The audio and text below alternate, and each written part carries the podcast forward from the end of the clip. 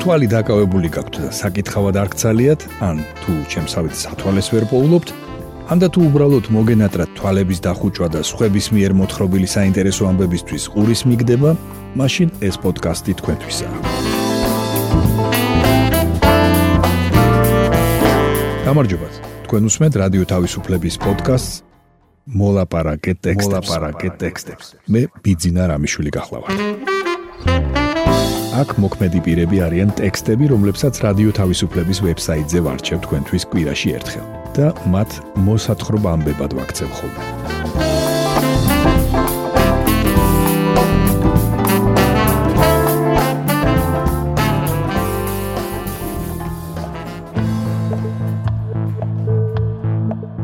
ვისაუბრებთ იმაზე თუ რატომ და როგორ ვერიდოთ ტკიპებს. მოგითხრობთ სოხუმზე. როგორ შემორჩა იგი ზოგიერთი სოხუმელის მეხსიერებას?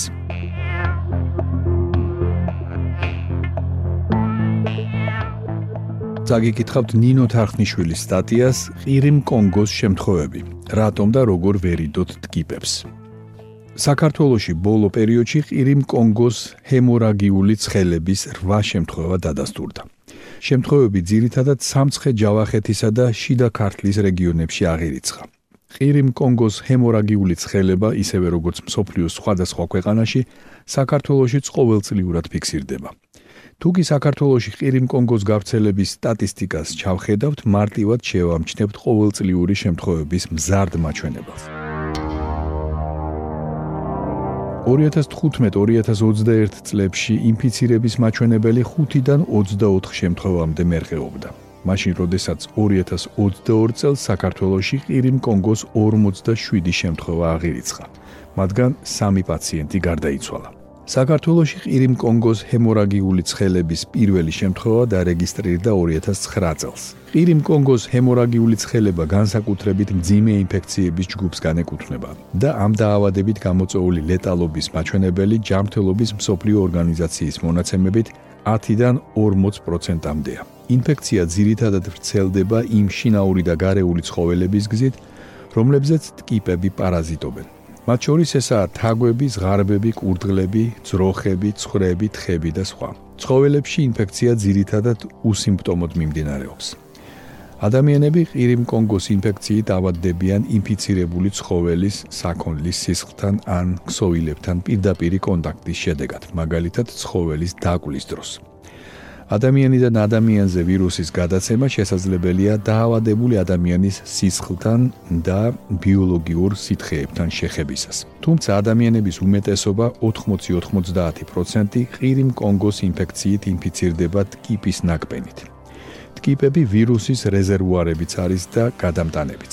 ინფიცირების რისკი მატულობს საფხულის დადგომასთან ერთად. შემთხვევები ხშირდება ივნის-სექტემბერში და უკავშირდება გადამტანის ტკიპა ჰიალომას გააქტიურებას.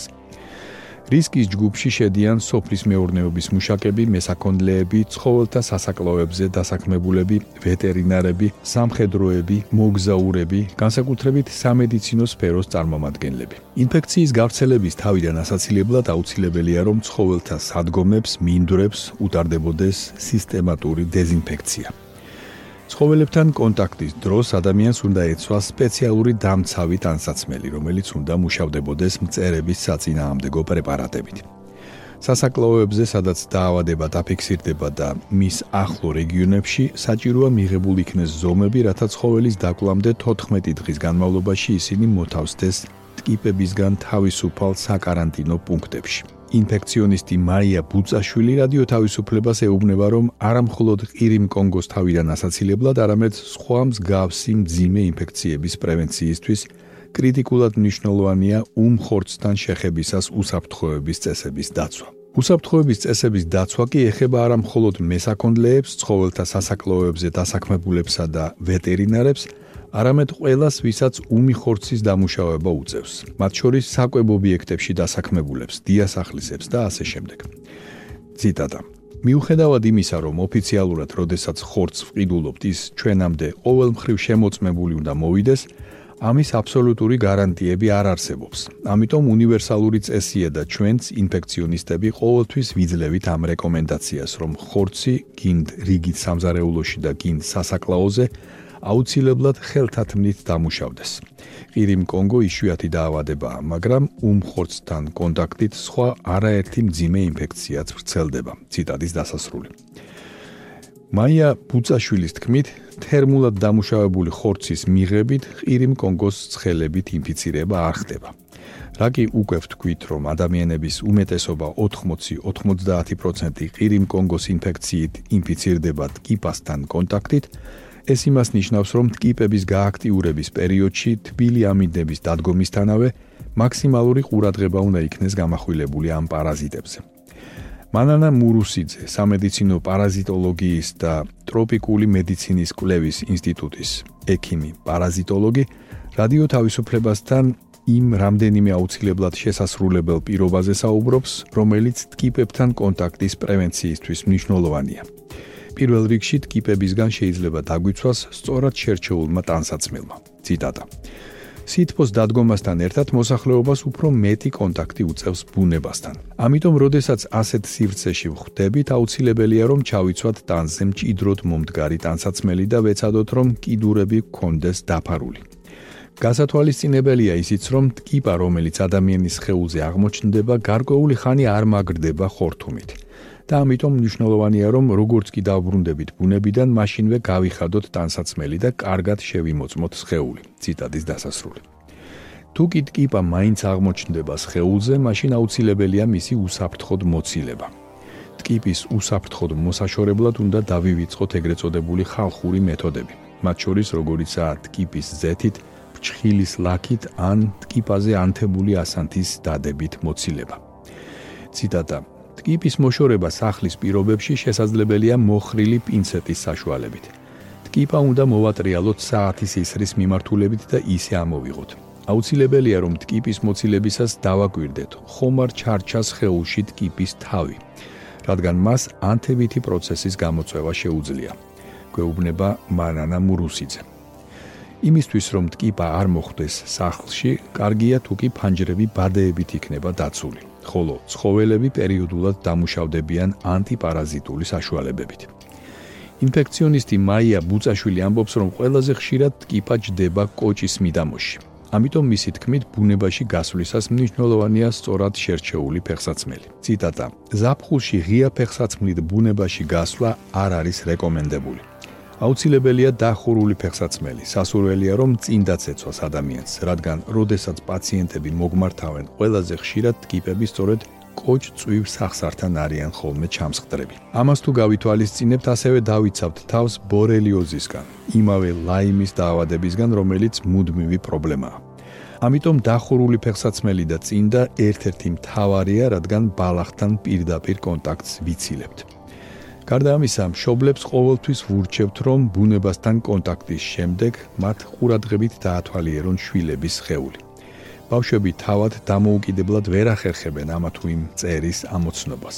კიდევ ერთხელ ვიმეორებ, აქ ლაპარაკი არ არის მხოლოდ ყირიმ კონგოს ცხელებაზე. ტკიპები სხვა არაერთი საყურადღებო დაავადების გადამტანები არიან. ციტატის დასასრული. რა დროს ჭირდება ტკიპას, რომ ადამიანს ინფექცია შეჰყაროს? ამ კითხვაზე მაია ბუცაშვილი გვიპასუხებს, რომ დასნებოვნების რისკი ტკიპასთან პირველივე კონტაქტიდან არსებობს. თუმცა მისი თქმით, რაც მეტია ექსპოზიციის ხანგრძლივობა, რისკიც იზრდება. ამიტომ მისი სიტყვებით, რაც მალე ამოვიღებთ ტკიპას შეეულიდან, მით უკეთესი. როგორ შევიტყოთ ტკიპა, რომელთანაც შეხება გქონდა, იყო თუ არა ინფექციის მატარებელი? ტკიპების შესწავლა ხდება ლუგარის საზოგადოებრივი ჯანდაცვის კვლევით ცენტრში. თუმცა როგორც უწყებაში განმარტავენ, ტკიპების შესწავლა ხდება მხოლოდ იმ შემთხვევაში, თუ კი ის საეჭო კერიდანაა ამოღებული. როგორ ამოვიცნოთ ყირიმ კონგო? ამ ინფექციის საინკუბაციო პერიოდის ხანგრძლივობა დამოკიდებულია ინფიცირების გზაზე. თუ კი ადამიანი ინფიცირდება ტკიპის კბენის შედეგად, საინკუბაციო პერიოდი როგორც წესი გრძელდება 1-დან 3 დღემდე. მაქსიმალური ხანგრძლივობა შეადგენს 9 დღეს. საინკუბაციო პერიოდი ინფიცირებულ სისხლთან ან ქსოვილებთან კონტაქტის შემდეგ გრძელდება 5-6 დღეს. დოკუმენტურად დაფიქსირებული მაქსიმალური პერიოდი 13 დღეა. რაც შეეხება სიმპტომებს, ის იწყება მაღალი ტემპერატურით, კუნთების ტკივილით, თაუბრუსხვევით, კისრის, ზურგის ან წელის ტკივილით, თავის ტკივილით, თვალების ანთებითა და რიგ შემთხვევაში ფოტოფობიით, ანუ სინათლის შიშით. შესაძლოა ინფიცირებულს აღენიშნებოდეს გულისრევა, მუცლისა და ყელის ტკივილი, არეული ცნობიერება. ყირიმ კონგოს კლინიკურ ნიშნებს შორისაა გახშირებული გულისცემა, ლიმფური კვანძების გადიდება, კანში სისხლჩაქცევებით გამოწეული გამონაყარი. გამოჯამრთელების პერიოდი საკმაოდ ხანგრძლივია და მან შეიძლება გასტანოს 1 თვიდან 1-2 წლამდე. ყირიმ კონგოს საწინააღმდეგო ეფექტიანი ვაქცინა ადამიანებსა და ცხოველებში გამოსაყენებლად არ არსებობს. მე წაგიკითხეთ ნინო თახნიშვილის სტატია ყირიმ კონგოს შემთხვევები. რატომ და როგორ ვერიდოთ ტკიპებს?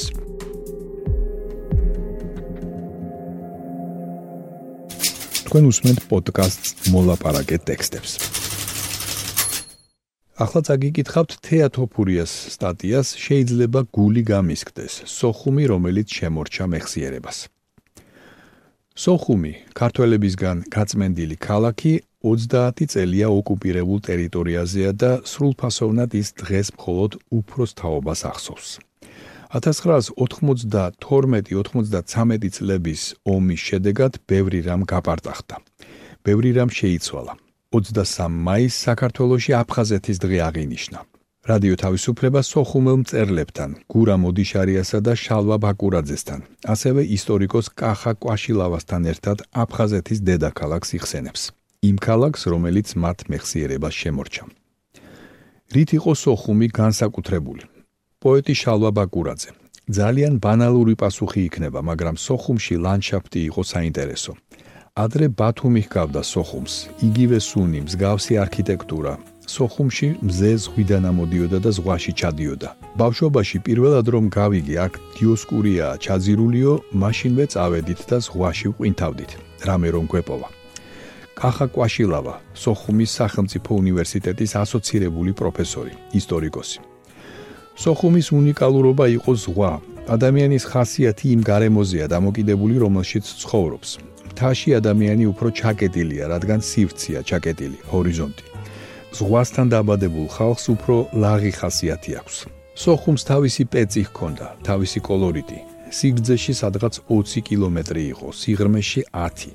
ამ პატარა ქალაქში იყო სიხალისე, ზღვა, მზიანი ამინდი, მულტიკულტურული გარემო. წელიწადში 9 თვე უცხოელები ჩამოდიოდნენ. ეს ყველაფერი ხასიათზე მოქმედებდა. გურამოდი შარია მწერალი. ცურვა სიარულთან ერთად ვისწავლე. პატარაობიდან მყავდა აფხაზი მეგობრები. სულ სანაპიროზე ვიყავით.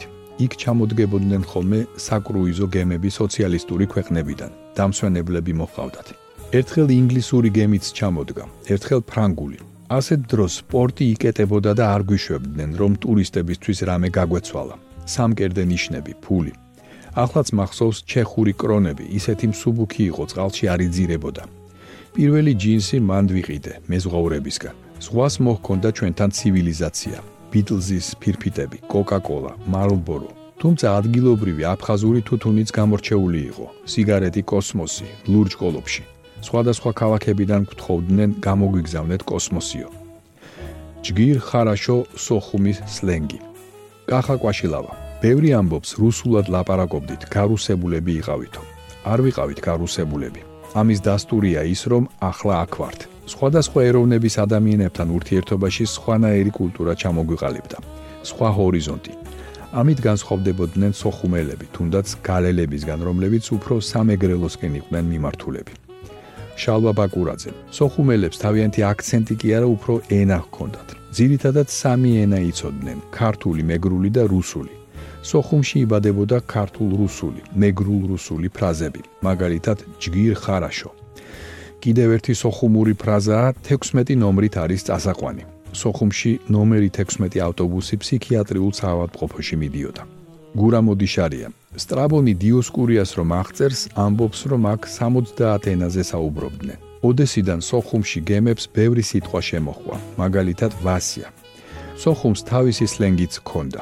ეი ვარა, აფხაზურად ეი ბიჭო. ნეპე, ბერძნულად ბიჭო. აფხაზებს როგორც რუსებს არა აქვთ სიტყვები მამიდა და დეიდა. ამიტომ ქართულს ურებდნენ. მაია მამიდას კაზალა. ქალაქში ყველაზე მეტად რომელი შენობა დაგამახსოვრდათ. კახა კვაშილავა. ალბათ ჩემი სკოლა, ნომერი 6. კიდევ ადგილი ოქტომბრის მოედნიდან აფხაზურ თეატრამდე, მინისტრთა საბჭოს შენობა. სოხუმი არქიტექტურული თვალსაზრისით ძველი ქალაქი არ არის. შენებლობის ბუმი იყო აკაკი მგელაძის პერიოდში 1953-51 წლებში. სოხუმის უბან ტურბაზაში, სადაც მე გავიზარდე, ყველაზე ძველი შენობა ჩემი სკოლა იყო 1930-იანი წლების.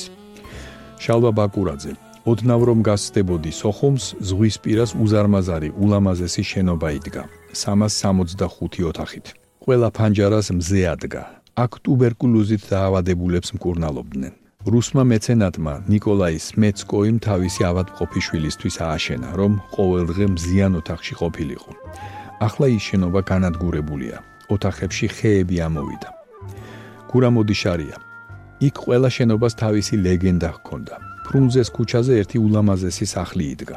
იტალიაში მდიდარ ქალიშვილს მზარეული თუ ჭურჭლის მრეცხავი შეხვარებია. პირველივე გემით გამოიქცნენ და სოხუმში ჩამოვიდნენ. თან წამოღებული ფულით ეს სახლი ააგეს. მოგვიანებით ქალი ნოსტალგიის გამო დასუსტდა. ჭლექი დაემართა და გემით ისევ იტალიაში დაბრუნდა. ამბობენ იტალიამდე არ ჩაუღწევია, გზაში გარდაიცვალაო. კაცმა სახლი ერთ-ერთ შერვაშიძესთან წააგო ბანკოში. შენობას ერთი საფეხური ჩამოტეხილი ჰქონდა, რადგან შერვაშიძე ერთხელ ცხენით ავიდა კიბეზე. კიდევ ჭავჭავაძის ქუჩაზე იყო სახლი, სადაც ქართველებმა და აფხაზებმა ილია ჭავჭავაძეს უმასპინძლეს. იქ მაგნოლიების ქვეშ გაუშლიათ სუფრა. სოხუმის სალაყბო ადგილები. გურამოდიშარია. სოხუმში იყო ბრეხალოვკები, კაფეები ღიაცის ქვეშ. ბრეხალოვკა უკრაინული სიტყვაა და სალაყბოს ნიშნავს. ესეც ოდესიდან შემოხვა გემებს. ოდესაშიც ასე იკრიბებოდნენ სანაპიროზე, ჩაის ყავას სვამდნენ, ლაპარაკობდნენ. აქ იბადებოდა ებრაული ანეკდოტები. მაშინ თბილისში ქაბაბის და ხინკლის საჭმელად სარდაფებში ჩადიოდნენ. სოხუმში პირიქით ღიაცის ქვეშ იყრიდნენ თავს. ლაპარაკობდნენ პოლიტიკაზე, ქალაქის ჭორებზე, ქვიშაზე მოდუღებულ ყავას სვამდნენ. ამბის კარგად მოყოლა ვინც იცოდა ისეთ ხალხს ქონდა ბრეხალოვკა აღებული. კარგი მსმენელებიც იქ იყვნენ. ყველაზე ძველი ბრეხალოვკა სასტუმრო რიწის წინ იყო, გემებთან. შემდეგი ინტურისტთან. კიდევ ერთი იყო კაფე პინგვინი. იქ უფრო ოჯახებით დადიოდნენ. პინგვინში სკამებიც იდგა, სხვა ბრეხალოვკებზე მხოლოდ ქოლგები და მაგიდები. ჭადრაკს მთელ სანაპიროზე თამაშობდნენ, გრძელ სკამებზე. კახა კვაშილავა. შატალოზე კაფე პინგვინში მივდიოდით ნაყინზე, ან ზღვაზე. ზამთარში კინოთეატრ აფსნიში, ხანდახან ბოტანიკურ ბაღშიც. მაშინ საბჭოთა კავშირი იყო ჩაკეტილი სივრცე და მცენარეებს სხვადასხვა ქვეყნების სახელები რომ ეწერათ თითქოს მოგზაურობდით ამ ქვეყნებში შალვა ბაკურაძე შატალოზე ნომერ 9 ავტობუს ბოლო გაჩერებამდე გავყვებოდით ხოლმე აჩადარაში იქიდან ფეხით ავდიოდით ტყეში ჩაულებრივი ჯუნგლები იყო ან ნომერ 5 ავტობუსს გავყვებოდით მაჭარამდე, ან კელასურის ხეობაში წავიდოდით. ამ პატარა ქალაქში რამდენიმე ხეობა იყო, თავისი მდინარეებით. მაჭარა, კელასური, ბესლა, ჩალბაში, რა ვერ მოასწარით სოხუმში. კახა კვაშილავა. დედაჩემმა და მამაჩემმა სოხუმის ყველა უბანი იციან. ახლაც რომ გაუშვა, თვალდახუჭულები მიაგნებენ. მე ყველგან არ ყოფილვარ. შალვა ბაკურაძე. რა ვერ მოასწარი? გოგოსთვის მინდოდა მეკოცნა და ისე წამოვედი სოხუმიდან ერთხელაც არ მიკოცნია. ყველაზე მეტად რა გენატრებათ? კახა კვაშილავა. თბილისში ჩემი სამსახური, სოხუმის სახელმწიფო უნივერსიტეტი პოლიტკოვსკაიას ქუჩაზეა. თავად გლდანში ვცხოვრობ. სოხუმში ამ უნივერსიტეტს ორი корпуსი ჰქონდა, წერეთლის და ჭოჯუას ქუჩებზე.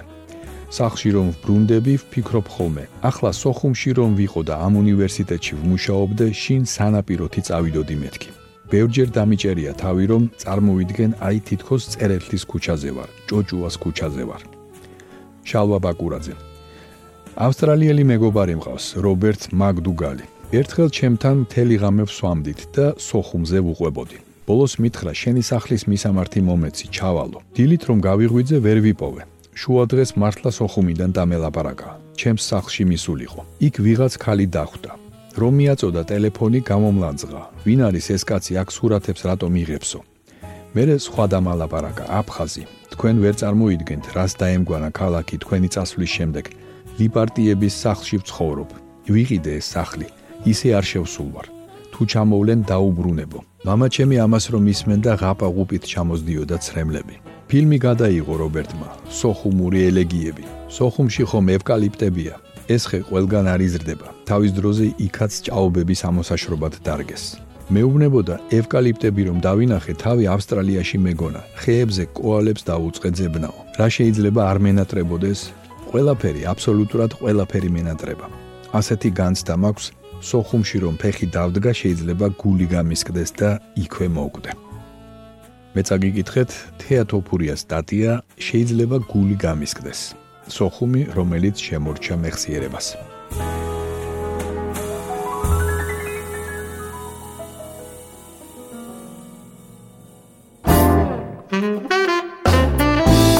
თქვენ მოისმინეთ რადიო თავისუფლების პოდკასტი მოლაპარაკეთ ტექსტები.